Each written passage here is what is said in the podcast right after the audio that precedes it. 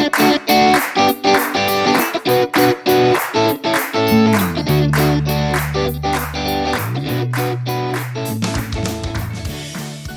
Patricia! Hur mår du?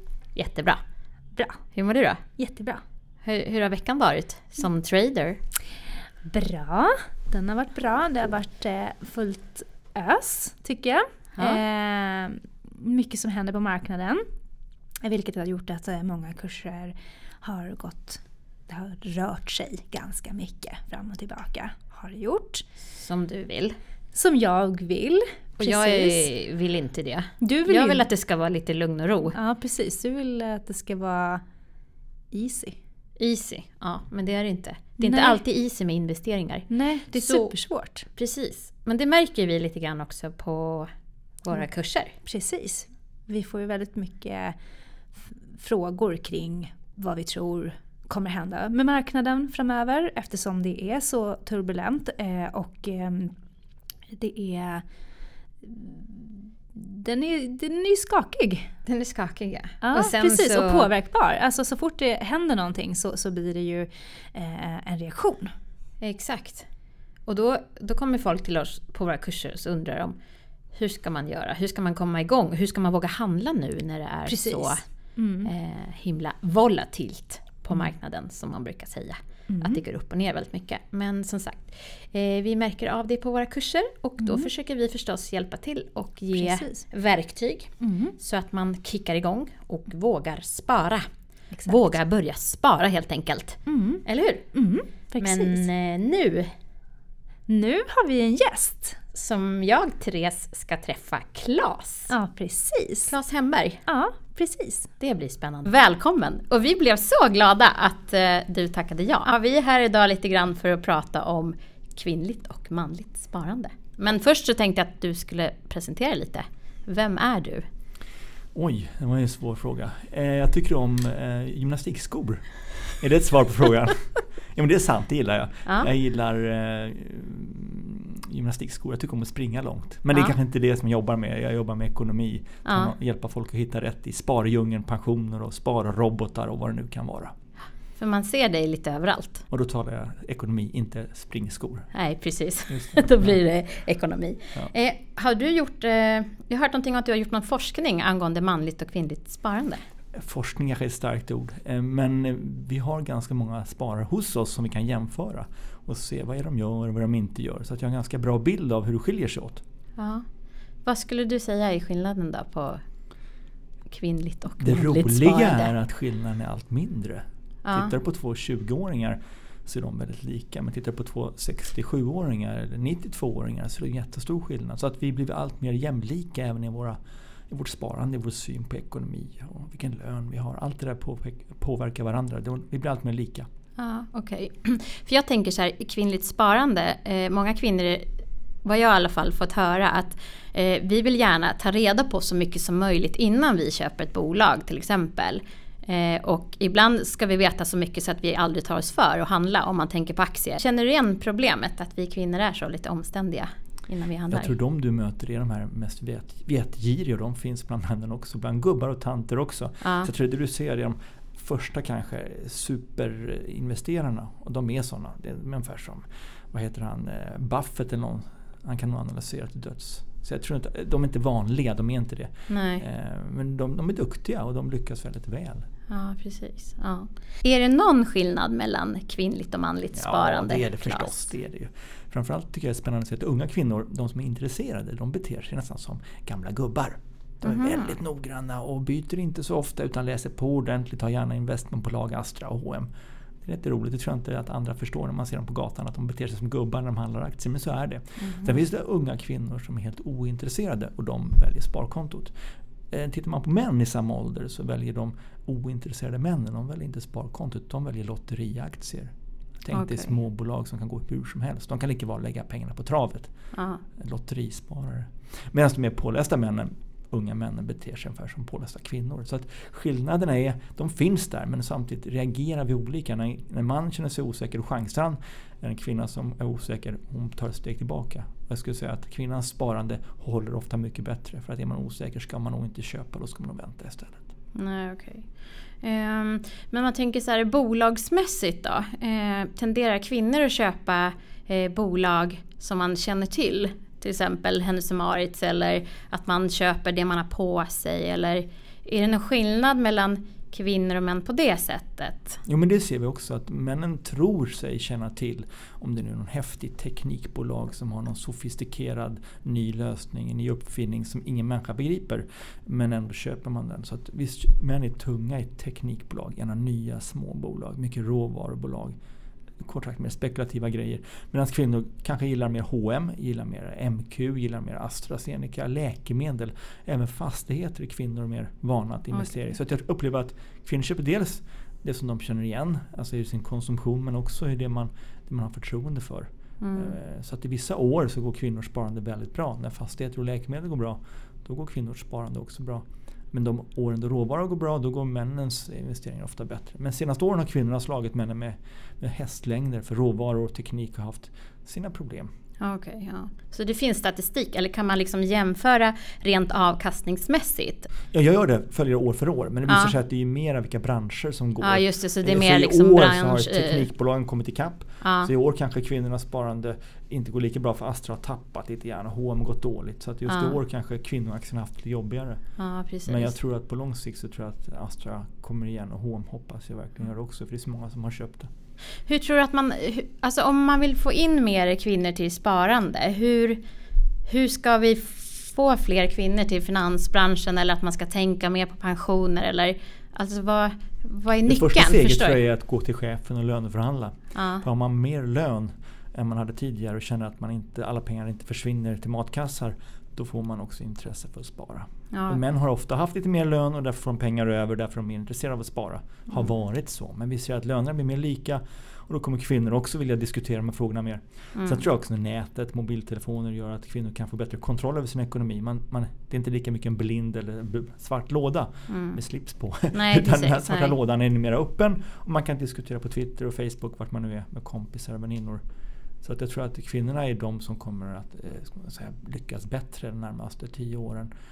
Eh, men, männen har varit i den här gubbvärlden ganska mycket. Ja, just det. För jag tänker, du jobbar ju på en bank, eller mm. nätbank eller vad man ska säga. Vad, liksom, hur, vad gör ni för att attrahera kvinnor till eran bank? Förstår du? Rent språkmässigt så är det ganska mycket fikonspråk i finansbranschen. Ja, och en av uppgifterna som vi har i den här podden det är ju liksom vi vill ju se till att, eh, att folk förstår vad man pratar om. Men det är fikonspråk även när det gäller propellrar eller flygplan. Ja. Så det är alla branscher har sitt fikonspråk. Men personligen så jobbar jag mycket med att ta bort alla fikonord och ja. tala svenska. Ja. Så det handlar inte, jag säger inte avkastning, jag säger tillväxt. tillväxt och så vidare. Okay. Alltså hjälpa folk att förstå att, att det är inte svårt så att alla kan vara med i matchen. För jag tror att mm. Annars kommer vi att ha väldigt svårt i samhället framöver om vi har 25% som inte har några pengar alls. Då kommer Sverige ha problem. vi måste få alla med i, i gamet. Ja. Även de som inte förstår fikonspråket. Nej precis. Ja. Ja, det, så jag tror att det är en viktig uppgift hela, hela finansbranschen där. Ja, men, precis, att man ska... men, vi som är nya i gamet, vi, vi kanske är ännu bättre på att tala svenska så de begriper. Eh, för att vi, vi kan ju inte lita på att farfar stannar kvar av plikt Nej. Utan man, vi måste locka de nya inte lika, till. Den nya generationen är inte lika lojal. Nej det är den ju inte. Eh, utan man byter. Och ställer mer krav. Bank. Ja, precis, på, ja. Inte bara på avgift utan de vill bli bemötta på ett seriöst sätt. De vill ha en bra app eller ja. en bra robot eller vad det nu är för någonting. Ja precis. För ni känns ju ganska moderna där du ja, jobbar. Vi är bara 20 år gamla och de andra är 200 år. Ja, så det är precis. skillnad. Och jag vet ju själv, men jag har ju också jobbat på en ganska traditionell mm. bank. Så, så men det, är, är lite skillnad. tror jag. Har du 300 kontor och väldigt många chefer så blir det en ganska säga, stelbent värld. Ja, och så är det 90% slipsar. Ja. Det, blir, det blir inte så kul. Nej. Och jag tror inte så mycket nytänkande heller. Ja. Så jag tror att de stora bankerna kommer att ha problem närmaste åren när bolånen får mer konkurrens och kommer mer omflyttning bland spararna. Hur sparar du? Sparar du jämställt? Tänker du på hållbarheten eller satsar du hejvilt? Jag har nog mognat på olika sätt. Jag började som 16-åring och handla i aktier och då var det bara för att jag tyckte det var spännande. Sen så började jag pensionsspara som 22-åring. Det var dumt för de pengarna är fast på Skandia fortfarande med höga avgifter. Det var inget bra.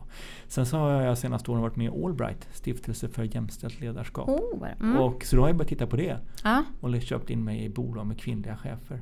Ja men det är Så, att- jättebra. så, att, så att eh, även jag utvecklas. Ja vad roligt. Men jag är ganska försiktig. Jag har inte massor med småbolag på kontot. Jag tycker om stora bolag som jag kan Mm. sälja om jag blir osäker. Och Mm. Ibland reagerar jag med ryggmärg, ibland med sunda förnuftet. Det är lite olika. Det är lite olika. Ja. Och nu då? Är du liksom, är det någon likvid nu då? Eller är det Jag har? Eller? amorterat lite grann faktiskt. Du har amorterat? Ja. Det är klokt. Ja, det, men om man har man haft en kon- konjunktur som har varit väldigt stark under lång tid eh, och det är mycket lånade pengar som är på börsen så tror jag att vi kan få en sättning. Ja.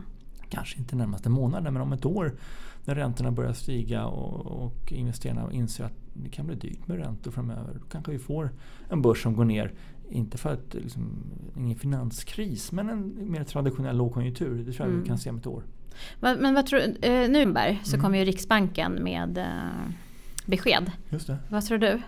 De kommer inte höja den här Inte gången. höja? Nej, nej, Nej. det gör de inte. Nej. De säger att de ska höjas tidigast i vår. Och jag hoppas de säger att det vi har som plan att höja i vår, det har blivit ännu mer tydligt. Vi ska höja i vår. Att man ännu mer tydligt faktiskt säger, Ja, bekräftar ja, man, ja precis, vi man pratar om räntebanan. räntor. Mm. Vi kan inte hålla på med liksom, ge bort pengar på det här sättet. Det är inte seriöst. Menar, Nej. Det, man, ger, man ger barn, eller man ger godis till, till barnen gratis. Det är den nivån nu tycker Ja. jag. Det funkar inte.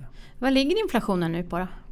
Ja, jag vet. 1,6, 1,7 kanske. Det Ja. ticka Och vi har ett grann. mål på ungefär 2 procent. Ja, och den har varit uppe på 2% tror jag. Det är på vilken vecka du tittar och vilka siffror du har. Så att Ja. den ligger ju rätt.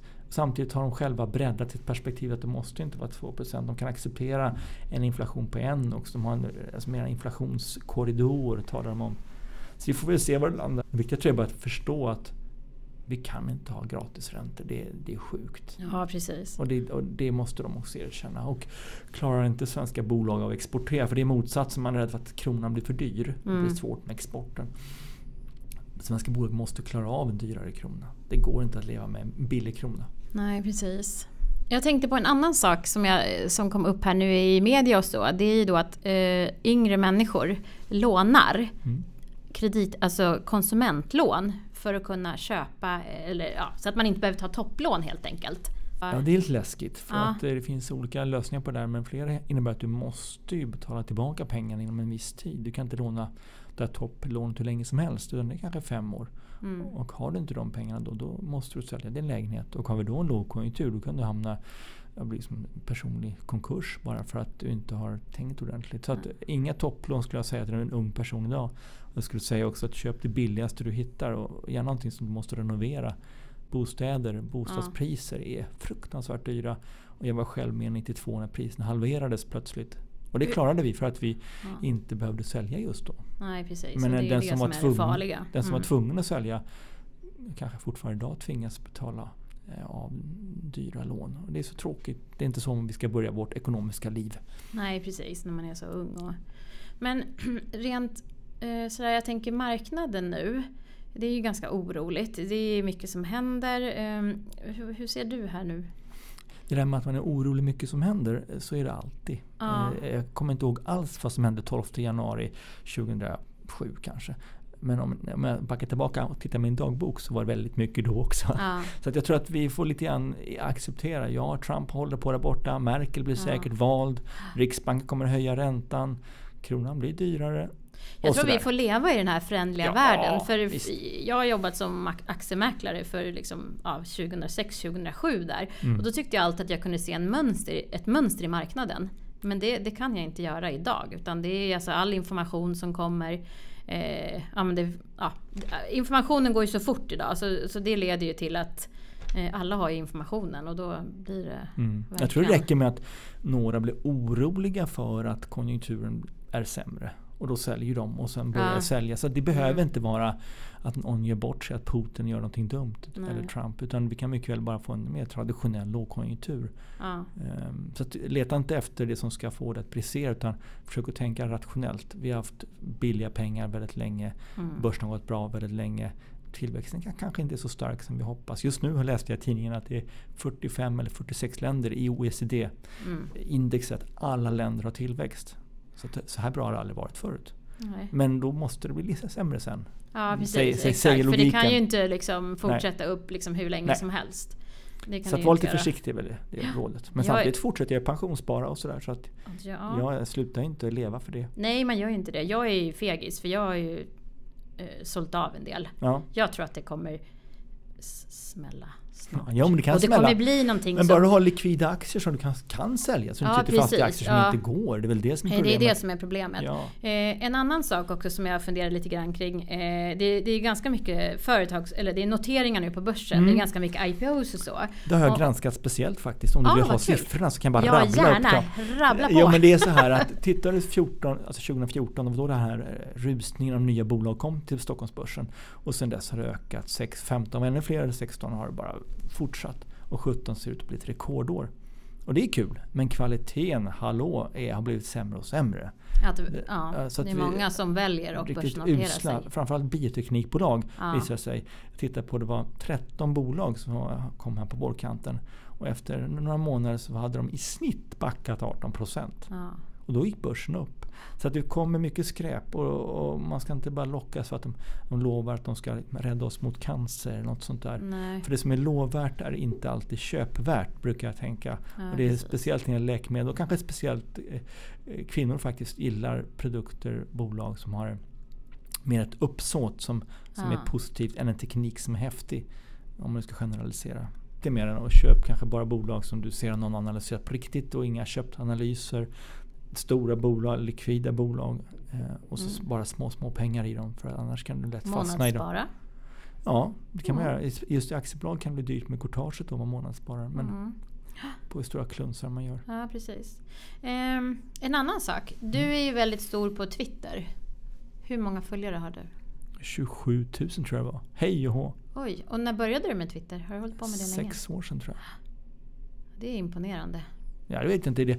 Jag tycker det är kul. Jag tycker det är roligt att möta människor, svara på frågor, diskutera. Jag hör vad människor tänker och hör vad människor missförstår.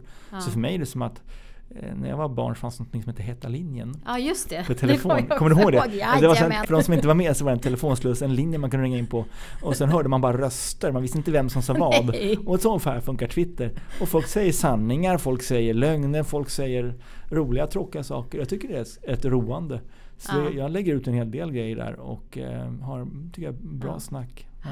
Vi följer dig. Ehm, har du hunnit läsa boken Kvinnorna som äger börsen? Den var, ja, den, var, läste du direkt. Jag, jag faktiskt gjorde det. Ah, jag fick kul. boken eh, häromdagen och läste den samma kväll. Eh, vad jag gillar är att den är, den är just eh, lättläst. Det känns som du läser en, en, ett magasin, en tidning tänkte med, med, eh, Ja. som du kan hitta med en specialinriktning då i det här fallet. Väldigt lättläst, innehållsrik, väldigt personlig. Jag tror den är perfekt för sin grupp. Alltså vända sig mot människor som inte har provat det här tidigare och vill lära sig grunderna. Så det funkar riktigt bra. Ja, vad roligt. Och vad, är- vad är ditt bästa tips då från boken? Som du har lärt dig? Eller du, Oj, oj, oj. Kunde men du allt redan Nej, kanske? absolut inte. Fram- Framförallt är aktier någonting väldigt personligt. Jag tror inte det är svårt att säga att en sak är bättre råd än alla andra. Utan Nej. vissa råd funkar bra till vissa människor och, Ja. vilka misstag man gör och erfarenheter. Så jag tror att eh, min, min viktigaste tanke jag själv tänker på det är att om du är nyfiken på aktier så köp åtminstone fem olika och du ska lägga små pengar i det. För att om nu aktier är ett intresse, Mm. men ju fler du köper ju större intresse kan du ägna dig åt. Så var inte så smal. Nej, du köper precis. en eller två. Det är typiskt manligt att köpa en eller två aktier. Eh, utan tänk dig lite. Sprid riskerna. Ordet sprida riskerna tror jag inte säger så mycket. Utan säger man Nej. fem aktier så, aha, Ja. varför då? Jo, för då vi märker statistiken på flera hundratusen sparare. De som har fem aktier, de får mycket mer för sina pengar. Mm. De som har två aktier, ja, de kan ibland lyckas men i snitt så får de mycket sämre utfall. Så du ska ha fem aktier, till och med sex, sju aktier där någonstans. Då får du mycket mer för dina pengar. Mm. Och sen gäller det bara att börja köpa aktier. Ja, sen tror jag att ta lite olika branscher så blir du nyfiken och lär dig. Och läs på. Det finns massor med gratisanalyser på nätet idag som Mm. inte fanns för bara några år sedan. Så att, eh, ta tillfället. Det finns ja, mycket information där ute. Men Claes, Mm. vi tackar dig så mycket. Och vi blev ju så jätteglada att du ville komma hit. Jag syns vi snart igen hoppas jag. Ja, vi Ja. hoppas att vi får komma och hälsa på dig kanske. Ja, de har inte så här fint godis tror jag, men det kanske jag kan fixa. Ha en trevlig vecka för nu öppnar börsen. Precis. Hej då! Hej då!